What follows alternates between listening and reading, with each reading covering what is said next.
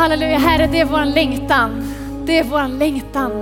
Kära älskade Jesus, att få komma närmare dig. Närmare dig för varje dag, Gud. Herre, jag ber och jag tackar dig för att du är här. Jag tackar dig för din närvaro. Jag tackar dig för att det är vad vi längtar efter och det är vad vi behöver.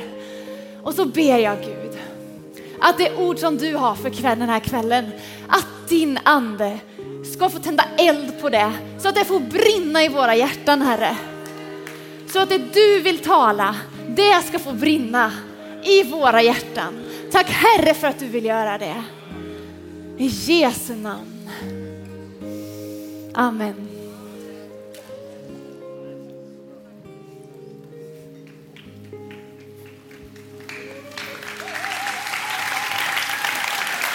Yes!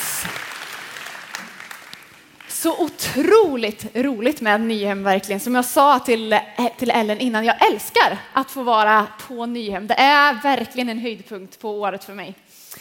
Och förutom det lilla ni fick höra innan så skulle jag vilja säga att jag är en supervanlig tjej från en jätte, jättevanlig stad. Men som tack vare att jag har valt att följa Jesus ändå har fått vara med om en del ovanliga saker. Och kanske att det märkligaste av de grejerna ändå är att jag och min man Anton, som aldrig Liksom, vi har levt väldigt skyddade småstadsliv, aldrig sett röken av vapen eller narkotika eller något i den stilen. Ändå fick flytta till ett gängområde i Belize City och starta en kyrka där. Och det är bara tack vare att Guds nåd är så stor. Eh, så för mig har livet med Jesus det har varit både spännande och utmanande. Men framförallt så har det varit värt det. Och när jag var yngre då eh, jobbade jag som eh, badvakt på somrarna. Det var, ja, men det var kul när det var bra väder. Och sen så var det jättetråkigt när det var dåligt väder för då kom det ingen att bada. Eh, Sen hade man riktig otur så kom det en liten tanta, ni vet, som skulle motionssimma.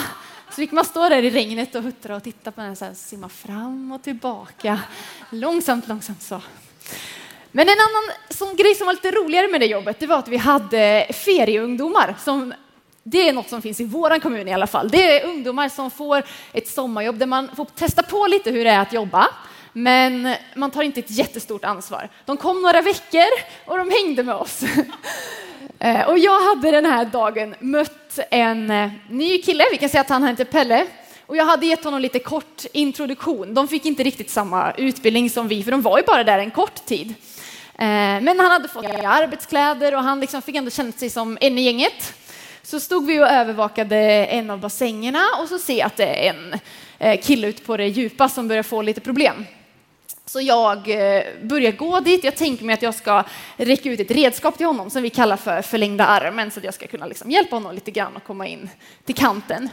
Men Pelle han har också sett det här, gjort en lite annorlunda riskbedömning än jag. Så då ser jag hur han bara springer, ni vet, ruschar allt han har, kastar sig i vattnet, krålar sig fram till den här killen, bara slår händerna runt magen så här på honom. Och helt plötsligt har vi två killar som har fullständig panik ute på djupa delen av bassängen. Så det var två stycken som fick lite hjälp in till kanten sen igen.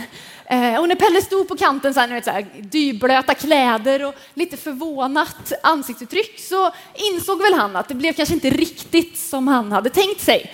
Längtan att få spela hjälte, eller ha någon form av hjälteroll här, var kanske lite större än hans konsekvenstänk.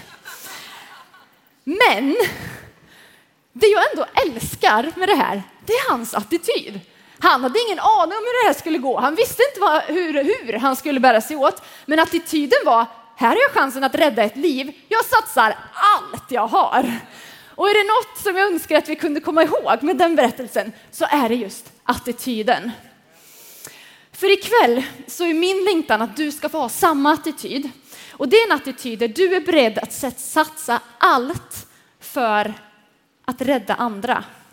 Gud, han satsade allt. Han gav upp det mest dyrbara han hade, sin egen son, när han offrade Jesus för att rädda dig och mig och varje människa. Så älskade Gud världen Att han utgav sin enfödde son för att var och en som tror på honom inte ska gå under utan ha evigt liv, står det i Johannes 3.16. När Jesus gav sitt liv för oss och uppstod igen, ja, men då gjorde han det verkligen möjligt för varje människa att bli frälst. Grejen är att du kan säkert också få sommarjobb som badvakt om du skulle vilja det. Men jag har väldigt svårt att tro att det är huvudsyftet för ditt liv. Däremot så finns det ett syfte för ditt liv och det tror jag är att du kan få vara en Guds livräddare genom att föra andra till tro på Jesus Kristus.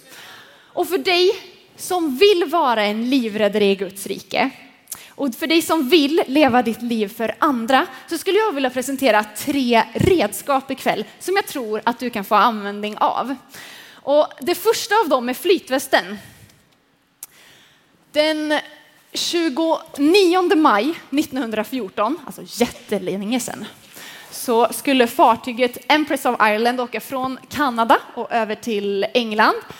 Eh, Natten var väldigt kall, det var mycket dimma, det var svårt att navigera. Ombord fanns 1477 passagerare av dem så fanns det ett gäng som var en kristen ungdomsgrupp från Frälsningsarmén som var på väg över till England för att vara med i en kristen konferens. Några har berättat i efterhand att de hörde som en duns. Andra har berättat att de märkte ingenting förrän sirenerna gick igång och kaoset, katastrofen var ett faktum. De hade kolliderat med ett norskt transport en norsk transportbåt och ett stort hål i skrevet på över 30 kvadratmeter tog in vatten så fort att på bara 14 minuter så hade hela fartyget sjunkit. Av de 1477 passagerarna omkom hela 1027 stycken. Tragedin var stor och i efterhand när man började lyssna på de få överlevande vad de hade varit med om, då var det någonting som stod ut. Det var en grupp som hade betett sig helt annorlunda under katastrofen. Vet ni vilka det var? Det var den kristna ungdomsgruppen. För när många hade hamnat i vattnet så gjorde de det utan flytvästar. Det var iskallt, det var dimmigt, det var vågigt, det var strömt och de förlikade sig med att här kommer livet ta slut. Men då fanns det några som betedde sig helt annorlunda, som hade fått tag i en flytväst, men som ändå valde att ge bort den till andra. Det finns en man som berättar att en ung flicka kämpade sig fram i vattnet för att komma nära honom. Hon slet mot vågorna och när hon kom tillräckligt nära tog hon av sig sin flytväst, kastade iväg den till honom. Han var så pass mycket äldre och hade samvetet sände till honom att Nej, men det här är inte rätt. Så han kastar tillbaka den och säger rädda dig själv, ta den. Vad gör flickan? Nej, men hon blir ursinnig, kastar för en andra gång iväg sin flytväst och säger ta den. Jag kommer att dö bättre än du.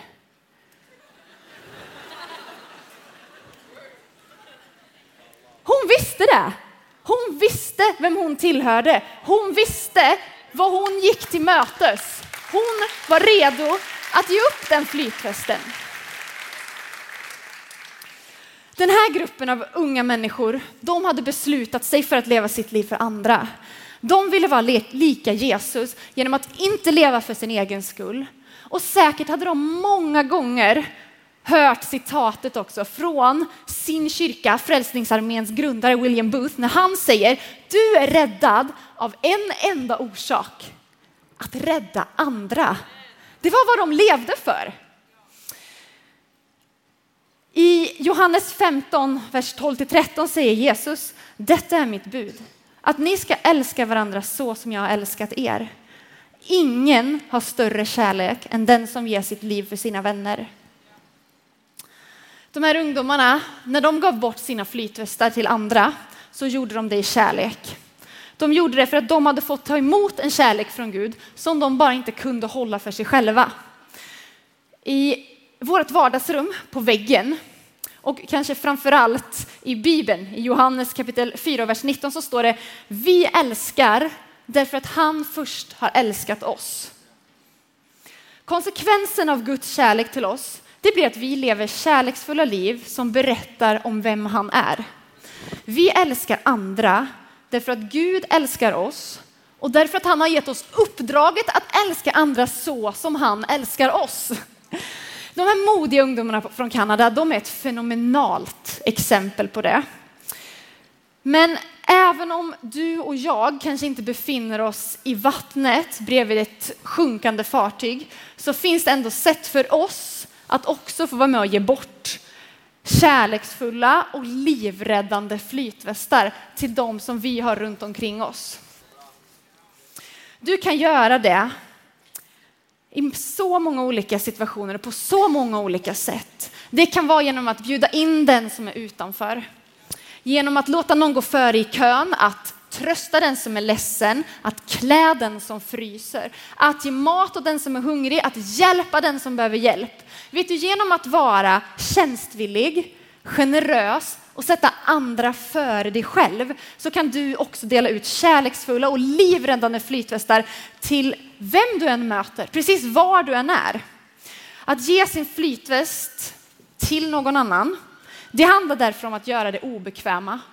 Att gå den extra milen, att sätta andra före sig själv och att visa vem Gud är genom hur vi agerar. Det andra räddningsredskapet som jag skulle vilja ge dig ikväll, det är den här. Visst har ni sett den förut? Livbojen. Livbojar finns ju lite varstans där det finns vatten. Eh, på badplatser, i hamnar, bryggor, helt enkelt där det finns någon form av potentiell risk att någon skulle kunna behöva bli räddad. Här nere på Nyhem finns det också en eh, livboj. Den sitter där på en stolpe. Men grejen med livbojarna, det spelar ingen roll att alla vi här inne nu vet att på en stolpe nere vid badplatsen så sitter det en livboj. För om någon behöver hjälp, om någon behöver räddas, så räcker det inte att alla vi tänker, men vad bra, där sitter ju livbojen på stolpen. Gött, då var det klart. Utan för att den ska funka så behöver vi aktivt använda den, kasta ut den. Och det finns en andlig livboj också och det fungerar precis likadant med den. Det är Guds ord. Och för att det också ska få, få komma folk till räddning så måste vi våga kasta ut den andliga livbojen. Då måste vi börja berätta för andra. Här finns nämligen sanningen. Det här är Guds ord, här finns evangeliet, de glada nyheterna om Jesus Kristus, om att det finns räddning för varenda människa. Det som också står i Bibeln, i Romarbrevet 10 och 14, det är det här. Men hur ska de kunna åkalla den som de inte har kommit till tro på? Och hur ska de kunna tro på den som de inte har hört?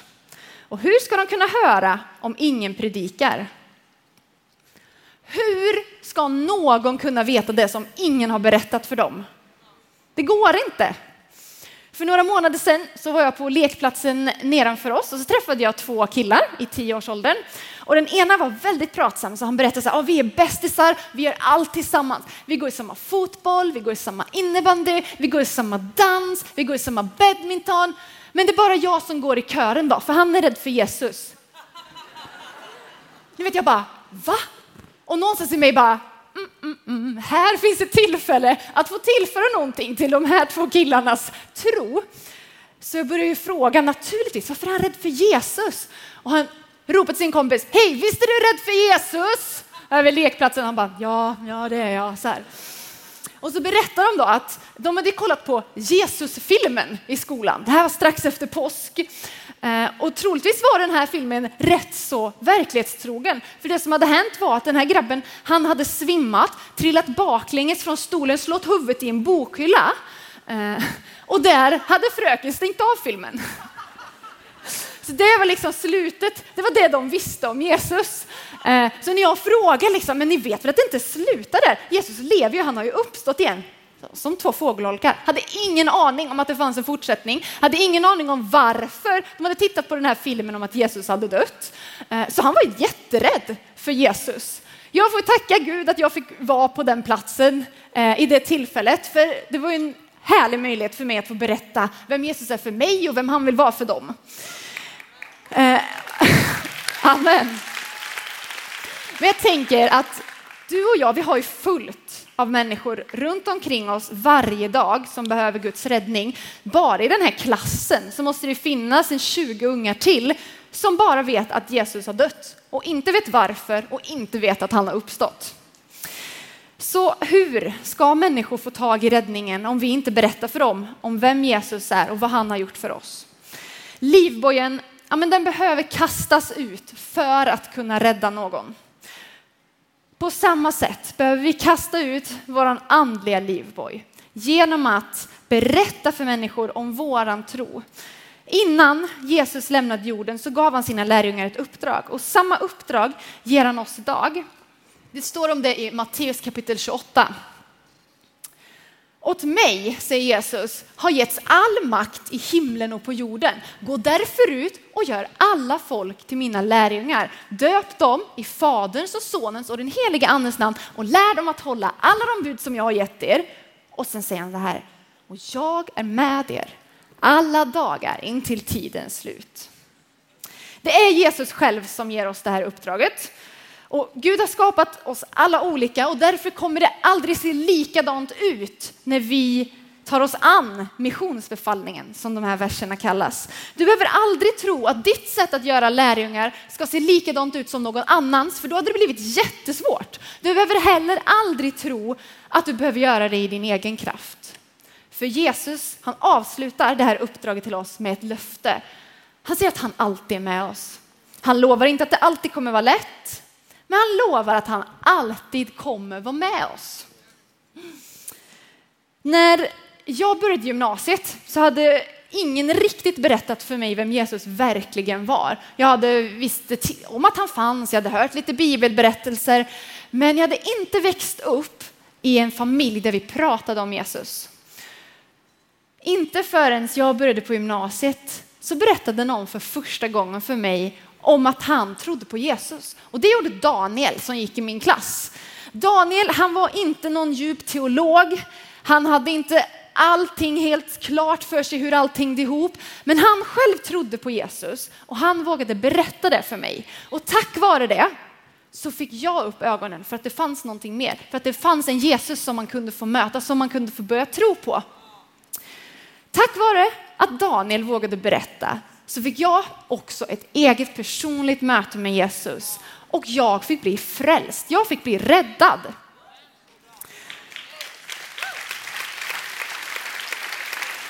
Yes. Men hur skulle jag kunnat veta om inte Daniel hade berättat? Om ingen hade berättat, om ingen hade vågat kasta livbojen, då hade inte jag vetat. Vet du, det tredje och sista redskapet som jag har ikväll, det är den här. Jag tror inte så många har använt den, men den är hur bra som helst. Det här är en hjärtstartare. Det hörs ju på namnet vad den gör. Den startar hjärtan. När allting är kört, när det verkar som att ja, men när hjärtat har slutat slå, när det har slutat pulsera runt blodet i kroppen, då finns det en chans det finns en chans till för att den här kan nämligen starta igång hjärtat igen. När det ser riktigt kört ut, ja men då kan ändå den här hjärtstartaren få ett hjärta att börja slå igen. Det finns en andlig hjärtstartare också som får våra hjärtan att slå och liv att pulsera och det är bön. När vi ber för människor så sker någonting i deras hjärtan. Och det sker också i våra hjärtan. Gud, han hör och han svarar på bön och därför ska vi be för dem som behöver bli räddade. Vi får be att de får möta Gud, att de får öppna sina hjärtan för honom. Vi får välja att leva våra liv genom att inte bara faktiskt be för oss själva utan också be för andra.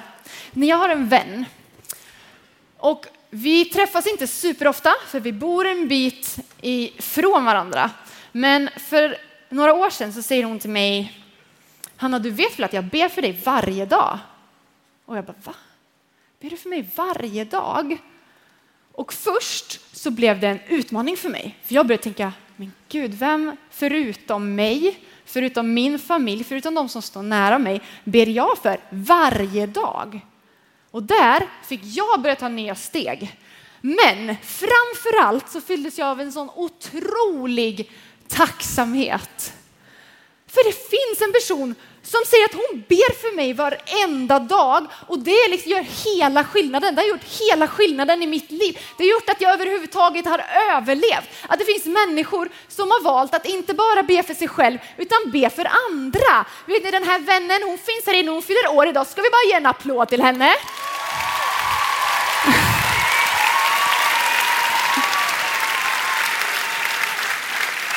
Yes. Vet du vad, det finns kraft i bön i Jesu namn. Och tänker du kanske nu att du tänker på en person och känslan är att det är kört.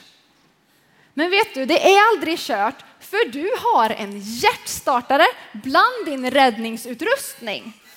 Jag har personer som jag aldrig kommer att sluta be för att de ska ta emot Jesus. Och när jag ber för dem så gör jag det i tro.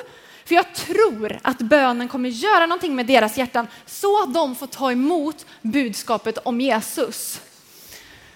När vi väljer att leva liv för andra så gör vi det också i vem vi ber för. För det är viktigt. Det förbereder hjärtan. Det förbereder deras hjärtan. Det startar igång hjärtan så att de blir öppna och mottagliga för det budskapet som vi har för dem. När vi hade varit i Belize ett tag, Anton och jag, så upplevde vi eh, en typ av genombrott. Och det var när vi för första gången blev hembjudna till en familj. Det är juldagen, det är översvämning på gatan där vi ska gå. Det är, jag kommer med en påse lussekatter i handen. Liksom. Tror jag vi kan till och med titta på det. Det är översvämmat på gatan och här någonstans så sker ett genombrott. För vi har förberett oss med eh, bön innan vi åkte ut så använde vi vår andliga hjärtstartare. Vi hade förberett oss genom att be ganska lång tid innan. När vi kom fram så kunde vi dela evangelium med ganska många människor. Men det fanns den gruppen som Gud hade lagt tydligast på våra hjärtan. Gängen, de kriminella och deras familjer, där var det hårt, där var det motstånd. Där hade vi ingen möjlighet att dela evangelium från början, utan där fick vi finnas bara genom att visa massa kärlek. Genom att se till att de fick äta sig mätta, genom att sätta skor på deras fötter, genom att hjälpa deras barn att få gå i skolan, genom att ha läs och skrivundervisning, genom att bara visa att vi fanns där för dem och att det var på riktigt, att vi brydde oss, att vi älskade dem. Men då kom det här genombrottet. Det var jul och vi blev hembjudna till den här familjen att få fira jul tillsammans med dem i deras hem på Jump Street, den värsta gänggatan i Belize City. Och jag är så tacksam då att Gud har gett oss olika verktyg, att han låter oss få vara med om det här. För från den dagen i det hemmet så kunde vi också få börja dela om vem Jesus var och varför vi visade den här kärleken, varför vi kunde göra det som vi gjorde. Eh, och efter det så började även de kriminella att komma till vår kyrka. Då började även de att vilja höra mer om Jesus. Då började även gängkillarna att ge sina liv till Jesus. Och det finns inget facit här i vilken ordning vi ska göra olika saker, men jag tror att du kan få vara med också att vara en livräddare för Guds rike. Du kan få vara det genom att dela ut sådana här andliga bara flytvästar som är fulla av kärlek och rädda liv. Genom att våga kasta livbojen där du faktiskt också får berätta om vem Jesus är och genom att använda hjärtstartaren, bönen i Jesu namn. När vi följer Jesus, då behöver vi inte oroa oss för att drunkna. För tillsammans med honom så kan vi gå på vatten. Jesus han säger att han har kommit för att vi ska ha liv. Och liv i överflöd.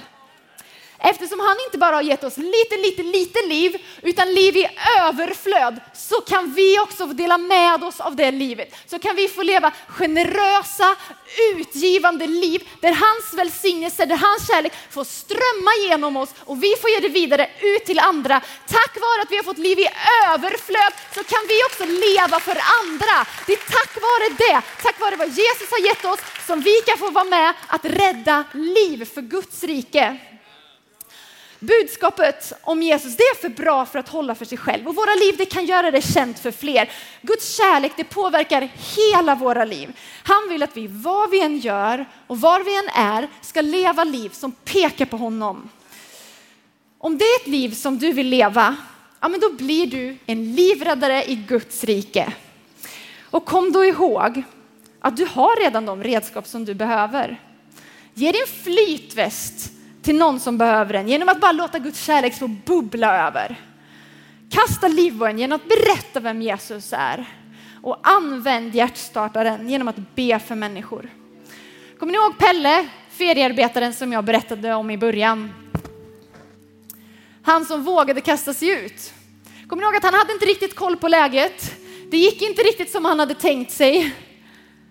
Men det löste sig. Det löste sig ändå. Det gick faktiskt bra. Det fick ett gott slut. Och grejen är att vi behöver inte alltid ha varenda steg på vägen klart för oss. Vi behöver inte veta precis i detalj hur den här räddningsaktionen som vi är på väg att göra, hur den ska se ut. Det räcker att vi har en attityd av villighet. För har du en attityd av villighet där du säger att du vill leva för Gud, du vill leva för andra människor och du är redo att låta Gud använda dig, då finns det inga gränser för vad Jesus Kristus kan göra genom dig. Du behöver inte göra det i egen kraft. Du gör det i Guds kraft. Han har gett oss sin heliga ande för att vi ska få leva just sådana liv där vi får berätta om vem han är. Vi ska strax öppna förbönsplatsen och fortsätta att lovsjunga tillsammans. Men först så vill jag vända mig till några av er. Tidigt i mina förberedelser för den här kvällen så uppenbarade Gud någonting för mig. Och jag tror att du finns här som inte riktigt har tagit till dig det här budskapet för att du upplever att du sjunker. Du vet inte hur du ska kunna rädda någon, för du behöver räddas. Du lyckas precis just nu hålla dig över ytan, men du kanske har funderat på att sluta kämpa. För dig ser det ut som att livbojen är utan räckvidd, utom räckvidd, men Gud, han säger att du är redan räddad. Han vill att du väljer livet. Det liv som är för dig. Om det här är du, så finns det människor här som vill prata med dig, som vill hjälpa dig vidare. Och jag vill uppmuntra dig att söka dig till förbönsplatsen här lite senare. För din tid att välja liv, den är nu. Och jag vill att du ska ta till dig, för jag tror att det är en hälsning från Gud, att din tid att välja liv, det är nu. Du är redan räddad. Du ska inte ge upp. Han kommer hjälpa dig. Sen vill jag också ge möjlighet, och det vill jag alltid på något sätt få göra, till dig som ännu inte har sagt ditt ja till Jesus. Om du vill bli frälst, om du vill bli räddad från mörker till ljus, om du vill tillhöra Jesus, om du tror att han är Guds son som har dött och uppstått för att du och alla andra ska få förlåtelse och evigt liv, ja men då vill han rädda dig. I Romarbrevet 10 och 9 så står det, för om du med din mun bekänner att Jesus är Herren och i ditt hjärta tror att Gud har uppväckt honom från de döda, då ska du bli frälst. Om du vill ta emot den räddningen genom att ge ditt liv till Jesus så vill jag ge dig den möjligheten. Är du här, du har inte sagt ditt ja till Jesus, men du vill det. Men jag vill ge dig den möjligheten bara genom att lyfta din hand nu och du gör det som ett tecken inför Gud. Att du vill säga ja Gud, jag vill tillhöra dig. Jag har inte sagt mitt ja till dig tidigare, men nu är jag redo. Jag vill vara din. Jag bara lyfter min hand just nu för att visa att jag vill bli frälst. Jag vill ta emot den här räddningen. Halleluja Herre. Tack Jesus. Tack Jesus. Till dig som har lyft din hand så vill jag uppmuntra även er att om en liten stund förflytta er till förbönsplatsen och bara berätta det här beslutet som du har tagit ikväll. Berätta det för någon där som får hjälpa dig och som får be för dig. De vill hjälpa dig vidare i din vandring med Gud. Och så avslutningsvis då, så har jag en uppmaning till dig som känner att kvällens budskap, det tog tag i dig. Om du vill vara en livräddare genom att leva för andra, om du vill göra ett statement inför Gud, det du säger att det liv du lever, det ska få peka på Jesus så att fler får bli räddade, då får du en möjlighet att ställa dig upp nu. Varsågod att res dig upp om du vill vara en livräddare i Guds rike. Om du är här som säger ja, Herre, jag vill vara med och jag visar dig genom ett statement till dig nu. Jag ställer mig upp för jag vill säga att jag vill vara med och rädda andra genom det liv jag lever. Vi lever inte för oss själva.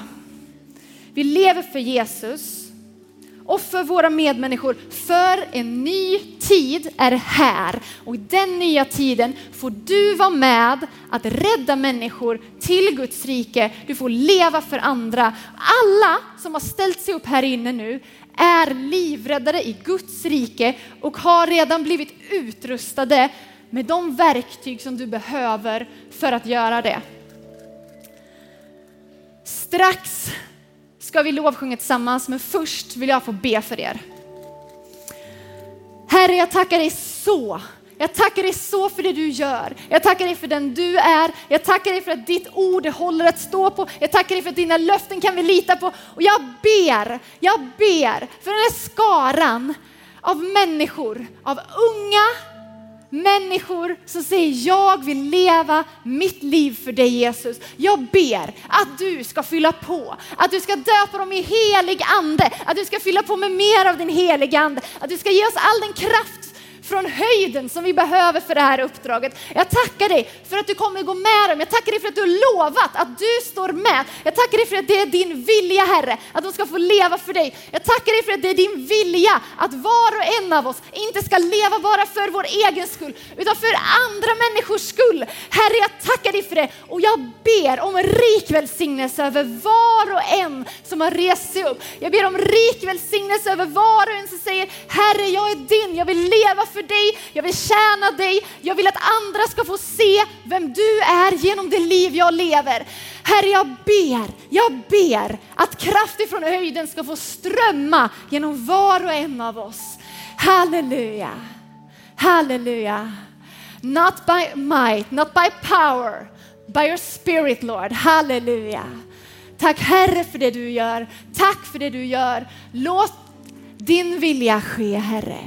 Låt ditt rike komma. Halleluja. Tack Jesus. Tack Jesus. Yes.